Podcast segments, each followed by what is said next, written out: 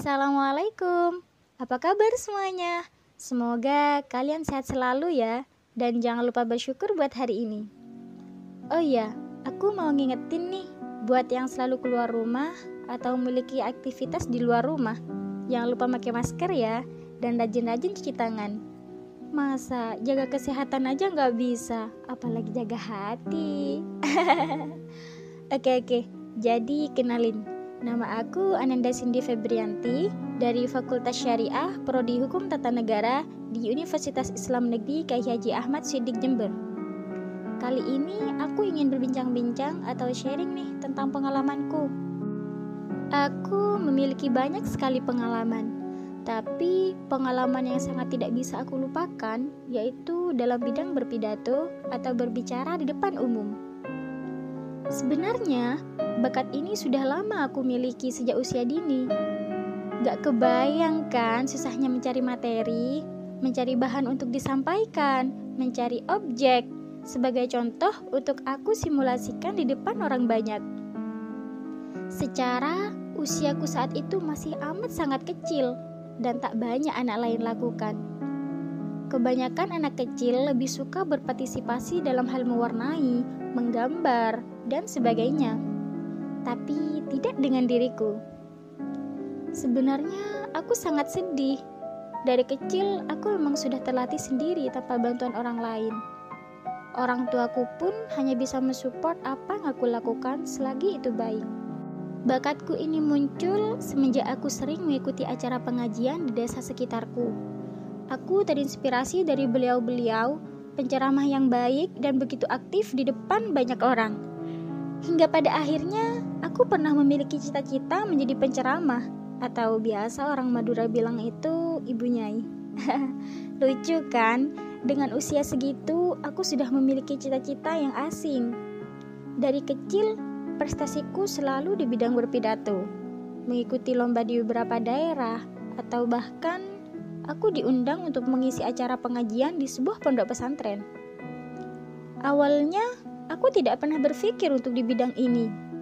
Akan tetapi, karena kemauanku sendiri, semangatku sendiri, akhirnya timbullah bakat dalam diriku.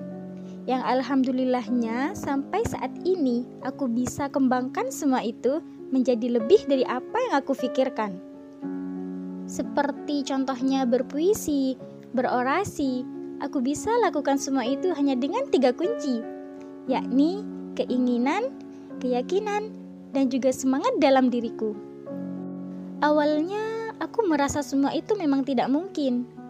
Mana ada sih anak kecil yang mau menghafal teks pidato sebanyak itu? Mana ada sih anak kecil yang masanya untuk bermain, tetapi malah digunakan untuk hal yang seharusnya difikir orang dewasa?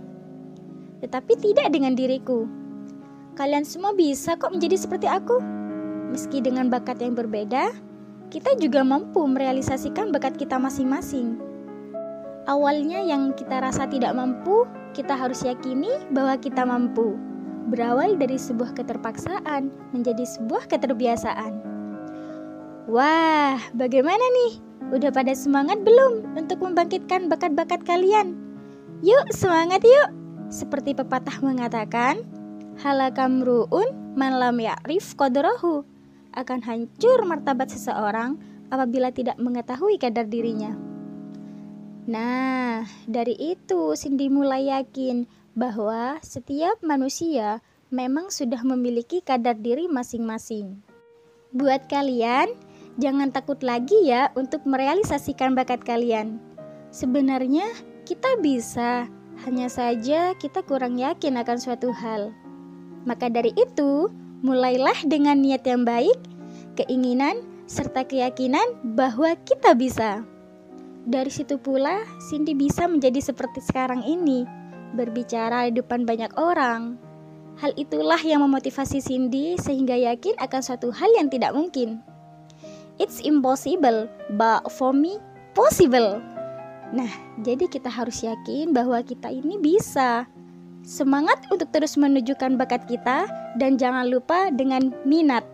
Karena tanpa minat tidak akan menjadi bakat. Cindy aja bisa nih, masa kalian tidak? Untuk cerita lebih lengkapnya, kalian boleh nih sharing-sharing atau bincang-bincang dengan Cindy langsung nantinya. Oke? Pergi ke kampung, jalan terbelah. Pohon jatuh, awas menimpa. Jika ada salah kata, maafkanlah. Wassalamualaikum dan sampai jumpa.